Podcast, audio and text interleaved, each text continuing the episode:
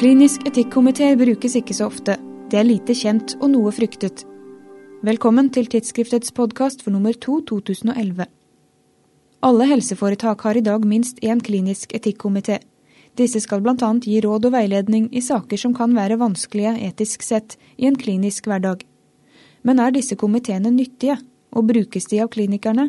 Guro Karlager, Reidun Førde og Reidar Pedersen har sett nærmere på dette og konkluderer i en artikkel i tidsskriftet med at ja, klinikerne mener komiteene er nyttige, men nei, de brukes ikke veldig ofte.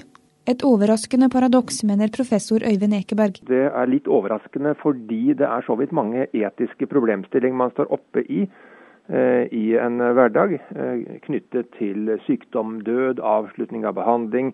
Skal man legge pasienter på respirator, livsforlengende, livsforkortende, prioriteringer osv. Og med utgangspunkt i så mange eh, utfordringer, så viser eh, studien at eh, komiteene brukes ganske lite. Årsaken til det kan være at tilbudet er ukjent for mange. Mye tyder på at komiteene er litt lite kjent, rett og slett. Jeg spurte et par kolleger nå i hvilken grad de brukte etiske komiteer, og svaret var at aldri. Og så lurte jeg på om, om de visste noe om hvem som satt i komiteer. De hadde ingen anelse om det. At det er ikke tilstrekkelig nærhet, eh, kan det tyde på, eh, i flere enheter. Både artikkelforfatterne og Ekeberg understreker at resultatene må fortolkes varsomt, bl.a. pga. en svarprosent på bare 50% Ekeberg mener likevel funnene er tankevekkende.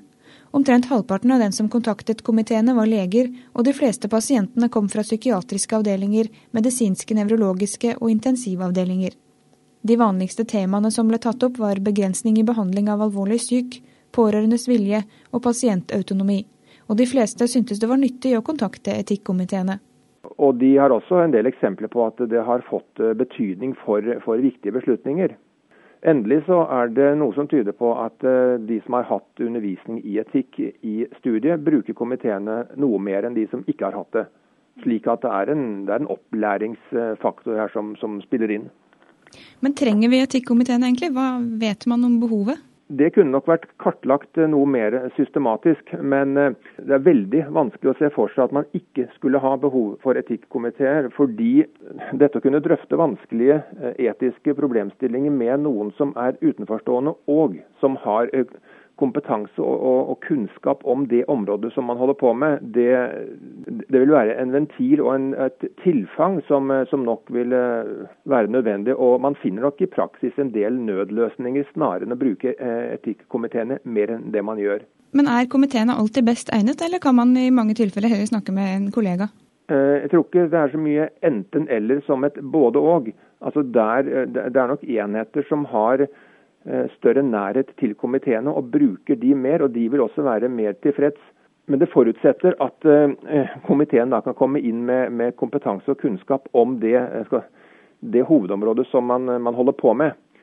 Ekeberg mener et annet relevant spørsmål i forhold til komiteens kompetanse er det lave antallet saker og det store antallet personer i hver komité. Om et antall på la oss si, oppimot 20 deltakere i en komité, som kanskje får en sak eller to i året, så vil jo ikke kompetansen og erfaringen bli så veldig god.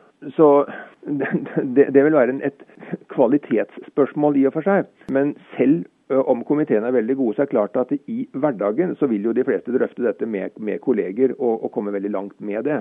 Det kan likevel være på sin plass med noen tiltak for å gjøre etikkomiteene bedre kjent og mindre fryktet ute blant klinikerne. Komiteene bør gjøre seg mer synlige og kanskje arrangere kurs i miljøer som ofte står oppe i etiske problemstillinger. Studier har vist at klinikerne vegrer seg for å kontakte komiteene fordi de er redde for kritikk. Det har vært eh, noen som har fryktet å komme eh, til komiteene fordi de har sett på det litt sånn, eh, sånn avhørsmessig, altså at de blir tatt i feil eller får kritikk osv. Det går på synliggjøring, tror jeg. At man si, presenterer seg kanskje mer for, for, for miljøene slik at man blir kjent med den andre sides arbeidsområder, dilemmaer og kompetanse. Du kan lese hele artikkelen til Kalager og medarbeidere og lederartikkelen til Øyvind Ekeberg i tidsskriftet nummer 2 2011. Jeg heter Eline Feiring, og vi høres igjen om to uker.